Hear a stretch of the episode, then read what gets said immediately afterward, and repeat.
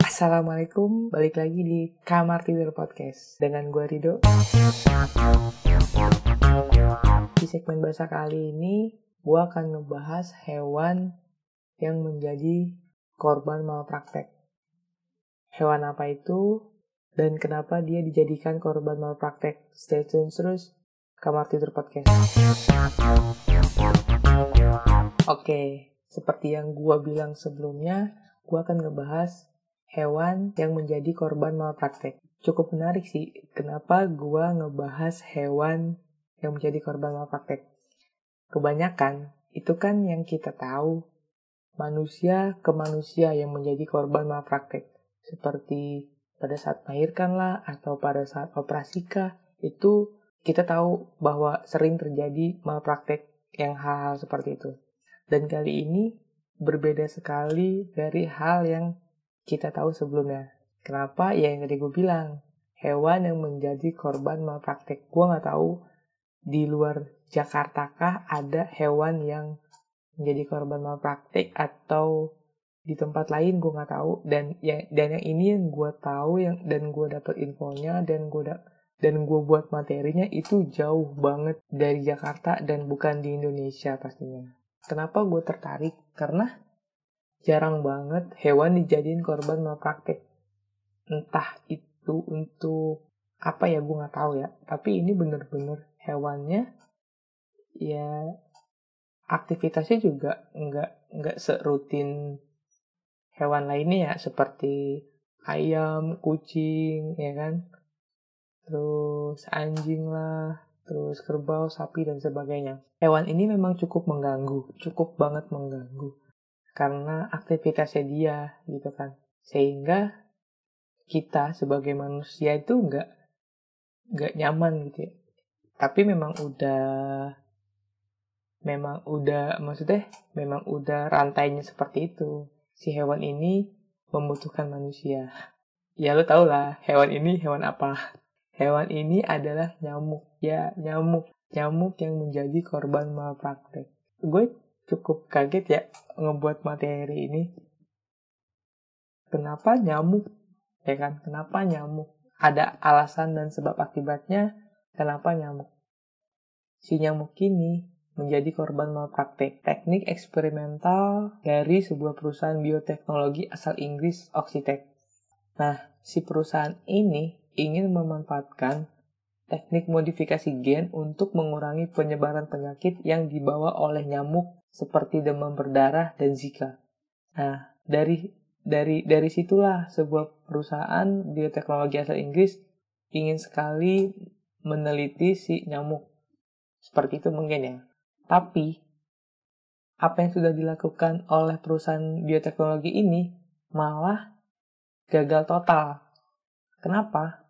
Pasalnya, nyamuk yang telah dimodifikasi supaya mandul malah ditemukan beranak pinak dan mengontaminasi populasi nyamuk lokal. Tuh, nggak kebayang kan lo? Udah dijadiin praktek, bukannya gagal, tapi malah berkembang biak. Tuh lo bayangin, berkembang biak. Berarti kan banyak ya, malah tambah banyak ya. Awalnya sedikit mungkin, terus setelah di dimodifikasi gennya malah bukannya menyusut malah banyak. Coba kalau itu terjadi di Jakarta bayangin populasi manusia di Jakarta udah banyak. Dan populasi kendaraan di Jakarta udah banyak. Bayangin kalau si nyamuk ini beranak pinak di Jakarta dengan gen yang berbeda. Tuh nggak kebayang kan? Si nyamuk ini bakal seribet apa sebanyak apa? Mungkin populasinya bisa mengalahkan kendaraan dan penduduk ya. Dan bisa juga mengalahkan polusi udara. Karena dia terus beranak pinak dan berkembang biak. Iya, iya, iya. Peristiwa ini terjadi di kota Jacobina, Brazil. Wah, untungnya jauh ya. Untungnya jauh. Coba kalau benar di Jakarta. Ampun-ampun deh. Ya kan? Dengan hiruk pikuk kota Jakarta ditambah lagi nyamuk yang udah dimodifikasi gennya dan beranak pinak. Untung yang dimodifikasi gen. Coba kalau yang dimodifikasinya itu cara terbang dia. uh udah udah cepet banget ya terbangnya ya kan ini menarik menarik banget jarang banget gue dapet info yang hewan dimodifikasi gennya selama ini modifikasi gen itu hanya ada di film nah ini beneran terjadi di dunia nyata yaitu di Jacobina Brazil yang dilakukan oleh bioteknologi asal Inggris. Nah, para peneliti ini memodifikasi nyamuk Aedes aegypti jantan menjadi OX513A dengan cara mencampurkan gen antara strain laboratorium dari Kuba dan Meksiko. Waduh, gennya aja jauh banget dari Kuba dan Meksiko. Setahu gua tuh Kuba rokok ada ada cerutu Kuba ya. Kalau Meksiko tuh kayak uh, lebih terkenalnya sama uh, pakaian tradisionalnya yang topinya tuh lebar tak uh, apa namanya? Toba apa nah nggak tau deh. Pakaian tradisional tuh yang topinya lebar banget.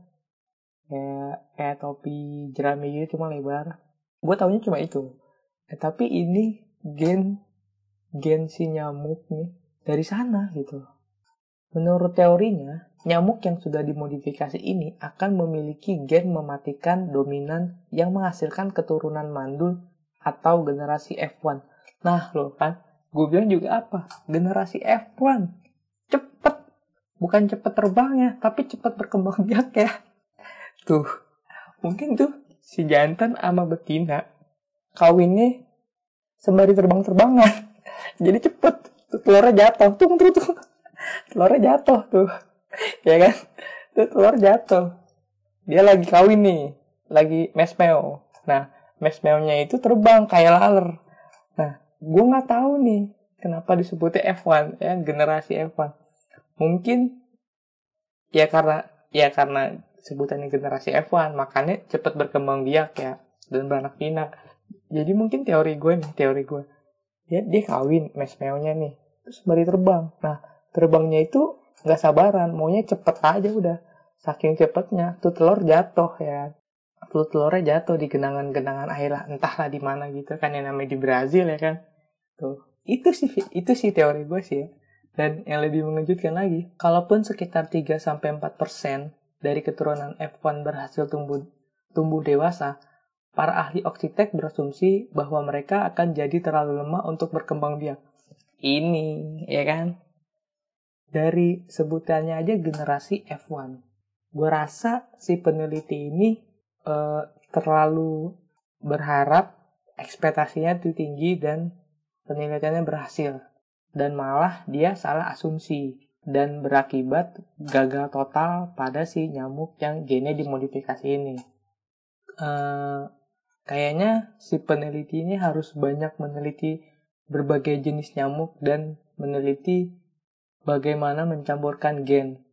Mungkin mencampurkan gen itu nggak sama kayak mencampurkan telur, tepung roti, sama nugget, ya kan? Itu enak.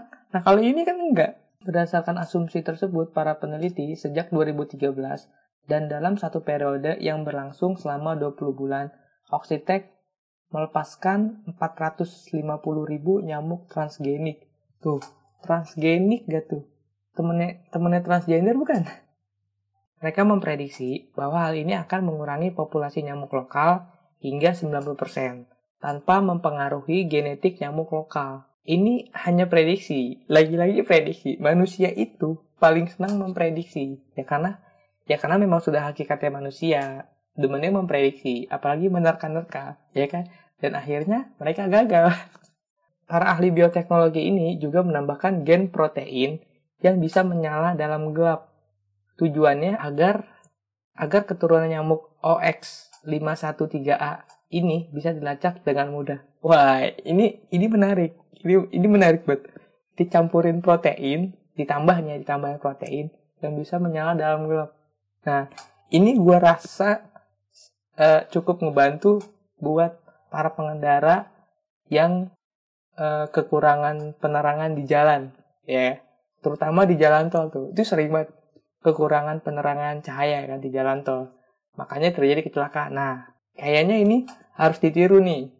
Hewan-hewan di Indonesia dicampurin protein yang bisa menyala dalam gelap. itu itu itu ngebantu banget ngalahin kumbang kali ya terangnya tuh ngalahin kumbang eh bukan kumbang apa namanya kumbang sih ya udahlah gue lupa hewan yang menyala itu apa tujuannya bagus agar keturunan nyamuk OX513A bisa dilacak dengan mudah. Kenapa harus ditambahin protein? Kenapa nggak ditaruhin GPS kan mudah dilacak. Kegagalan yang tadi prediksi namun, peneliti dari Yale University yang dipimpin oleh pakar ekologi dan biologi evolusioner Jeffrey Powell dan diterbitkan dalam Scientific Reports menemukan bahwa gen OX513A telah masuk ke populasi alami nyamuk Jacobina. Nah, lo si nyamuknya ini sudah masuk ke dalam populasi nyamuk Jacobina. Berarti secara tidak langsung si nyamuk OX513A ini sudah mulai beradaptasi dengan nyamuk lokal di Jacobina. Artinya, tidak benar bahwa keturunan OX513A langsung mati. Iya memang nggak mati sih. Mungkin dia lebih bisa beradaptasi atau menyesuaikan dengan uh, nyamuk lokal di sana.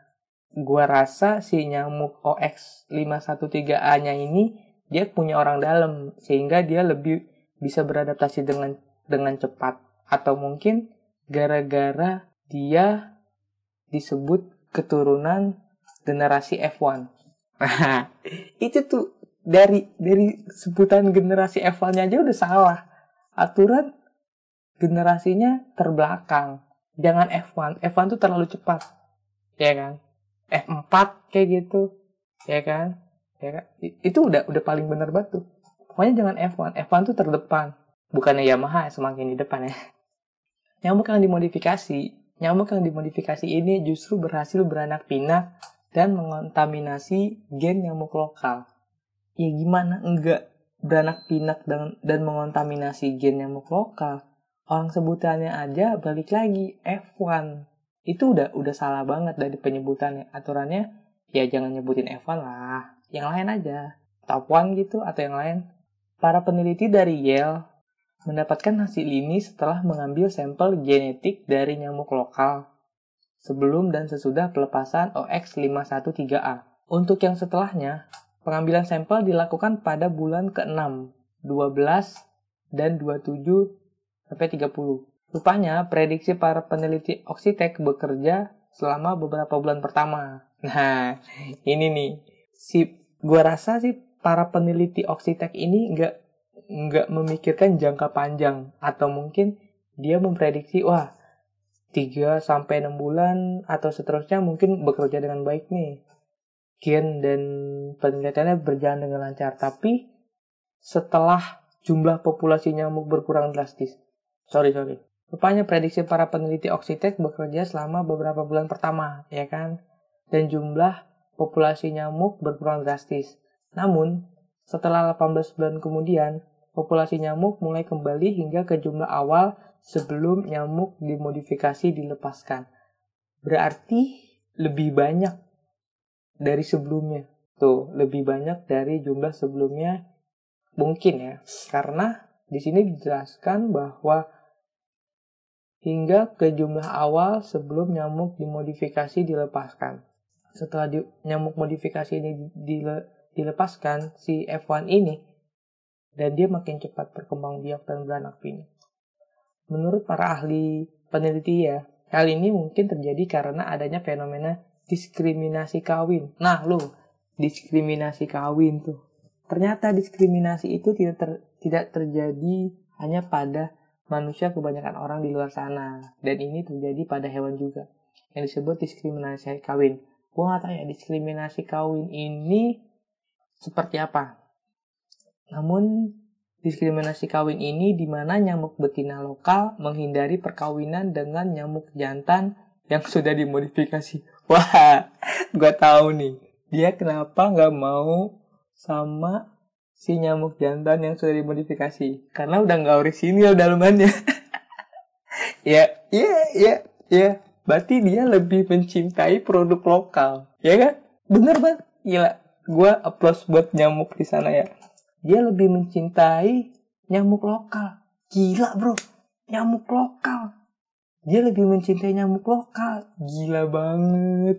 Nyamuk aja nggak mau sama nyamuk yang sudah dimodifikasi. Gila tuh nyamuk mikir gimana ya? Itu kan lebih modifikasi bos. Itu nyamuk udah lebih cepat. Ya lebih cepat kawinnya ya kan? Lebih cepat nyemprotin spermanya. Waduh. Nyemprotin sperma. Itu udah cepet banget tapi dia lebih memilih nyamuk lokal karena dia orisinil dan produk lokal. Ini harus diapresiasikan sekali nyamuk di sana ya. Kapan kapan-kapan datang ke Indonesia khususnya di Jakarta agar mencintai produk lokal sendiri ya. Keturunan keturunan F1 itu sendiri juga mungkin tidak selemah yang diperkirakan. Iya memang gak lemah sih. Kalau lemah Ngapain dia bisa beranak pinak dan berkembang biak secara cepat? Ini membuat nyamuk lokal kini memiliki materi genetik dari nyamuk Kuba dan Meksiko. Nah, dari nyamuk lokal ini mereka memiliki genetik dari nyamuk Kuba dan Meksiko. Bagus sih. Lebih ada uh, pencampuran atau gado-gado ya kan antara nyamuk modifikasi, nyamuk asal Brazil si si di Jacobina ini sama si Kuba dan Meksiko tuh ada empat pencampuran ya kan tambahin lima lah ya kan tambahin tuh jadi lima. Apaan ke nyamuk nyamuk khas mana gitu? Biar banyak biar nggak cuma empat doang. Jadi lima itu dibuletin. Pencampuran ini bisa memicu fenomena kekuatan hibrida. Astu hibrida. Gue taunya kayak Hydra musuh yang musuhnya Kapten Amerika. Tuh kelompok kelompok Hydra. Di mana diversitas genetik malah menghasilkan spesies yang lebih tangguh. Iyalah, gimana nggak tangguh? Orang udah dimodifikasi. Gila, terbangnya cepat, otot-otot kakinya, otot-otot anggota tubuhnya tuh lebih lebih tangguh dibanding nyamuk lokal. Tapi tetap nyamuk modifikasi nggak laku di Jacobina Brazil. Untungnya Hingga saat ini para peneliti belum menemukan resiko kesehatan dari nyamuk hibrida. Gue nggak tahu nih maksudnya ek kesehatan atau kesehatan. Gue nggak tahu ya. Tapi ya semoga aja si nyamuk ini nggak terlalu apa ya? Hmm, si nyamuk ini ya nggak lebih parah dari nyamuk lokal sih pastinya. Ya gitulah. Menurut Powell, yang menakutkan adalah kemungkinan yang tidak diantisipasi. Ini benar, ini benar sekali. Karena gini, uh, sebuah penelitian yang sudah berjalan jauh ke depan untuk mencegah hal-hal terjadi yang memungkinkan bahwa penyakit ini akan terus ada dan terus terjadi. Dan mereka nggak nggak memikirkan bagaimana cara untuk mengantisipasi bila penelitian ini gagal. Nah ini, ini terkadang suka su, sering banget terjadi di mana pun dan kapan pun tuh tanpa mengindahkan antisipasinya. Ya karena uh, karena gini, biasanya kalau kalau gue kalau gue teori teori gue gini, apa pun yang kita kerjakan mau baik maupun buruk gitu kita harus bisa memikirkan bagaimana cara mengantisipasinya bila hal yang kita kerjakan itu buruk maksudnya buruk atau e, gagal lah gitu kan. Yang gagal. Itu kita harus bisa mengantisipasinya. Bagaimana e, bila suatu saat hal itu gagal gitu kan. Kita harus bisa mengantisipasinya. Jadi e, jangan hanya memikirkan uh, jangka menengahnya saja, tapi memikirkan jangka panjang yang kelak suatu saat bakal terjadi. Yang, yang seperti dibilang Paul ini, yang menakutkan adalah kemungkinan yang tidak diantisipasi. Kemungkinan gagalnya ini yang tidak diantisipasi sama perusahaan bioteknologi asal Inggris bio, uh, Oxitec ini, ya kan? Makanya tidak sesuai ekspektasi, ya kan? Ya, mungkin mereka tidak memikirkan bahwa gagal itu akan terjadi dan dan mereka ideologi sekali bahwa bahwa penelitian mereka akan sukses dan berhasil. Tapi nyatanya kehendak ber, berkata lain. Penelitian mereka gagal total karena nyamuknya itu nyamuk yang telah dimodifikasi supaya mandul malah ditemukan beranak pinak dan mengontaminasi populasi nyamuk lokal. Nah ini ya kan dia dia nggak mengantisipasi apakah si, si nyamuk modifikasi ini akan beranak pinak dan mengontaminasi populasi nyamuk lokal. Harusnya dia ditandain tuh ya kan? Si nyamuk lokal ini ditandain. Seperti seperti pakai pita atau pakai apa namanya penanda headband gitu ya kan? Ditandain biar nggak ketukar sama si nyamuk modifikasi. Ya buat pelajaran aja sih. Oke? Apa pun yang lo lakukan lo harus mengantisipasinya hal apa pun yang lo perbuat itu lo harus bisa mengantisipasi baik itu hal kecil maupun hal gede. Dan gue pun sependapat sama si Powell ya kan? Kemungkinan yang tidak di ketakutan. Gue juga gue setuju sama Powell. Yang menakutkan adalah kemungkinan yang tidak diantisipasi. Hal-hal yang menakutkan itu kadang gak pernah kita antisipasi ya kan? Kita lebih senang memikirkan saat ini. Ya kan? Saat ini saat ini aja tuh. Nggak peduli besoknya gagal atau tidak mereka tidak peduli. Yang yang dia pedulikan sekarang adalah saat ini. Nah itu yang berarti berarti mereka memang kurang peduli. Ya kan? Kurang kurang kurang mengantisipasi hal apa yang kemungkinan terjadi kelak bila terjadi ketidakmungkinan itu ya gua harap nyamuk-nyamuk di Brazil ini, terutama yang di Jacobina, lebih bisa memilih mana nyamuk modifikasi, mana nyamuk lokal. Ya, cukup untuk si nyamuk modifikasinya dan ternyata kejadian malpraktek ini menjadi pembelajaran buat gue sendiri dan untuk yang mendengarkan di luar sana bahwa malpraktek bisa terjadi berhasil atau tidak itu tergantung dari apa yang telah diperbuat sama pelaku. ya kan? Karena yang kita tahu malpraktek itu selalu menghasilkan hal-hal yang tidak baik ataupun yang merugikan pihak. Tapi ini sangat menguntungkan pihak nyamuk. Dimodifikasi malah cepat berkembang biak. Ya siapa tahu lu mau dimodifikasi bisa menghubungi bioteknologi asal Inggris tersebut si Oxitec untuk lebih jelasnya atau lo mau ngasih saran masukan bisa langsung kirim ke email kamartidurpodcast@gmail.com cukup sekian materi gue kali ini. Stay tune terus kamar tidur podcast Thank you.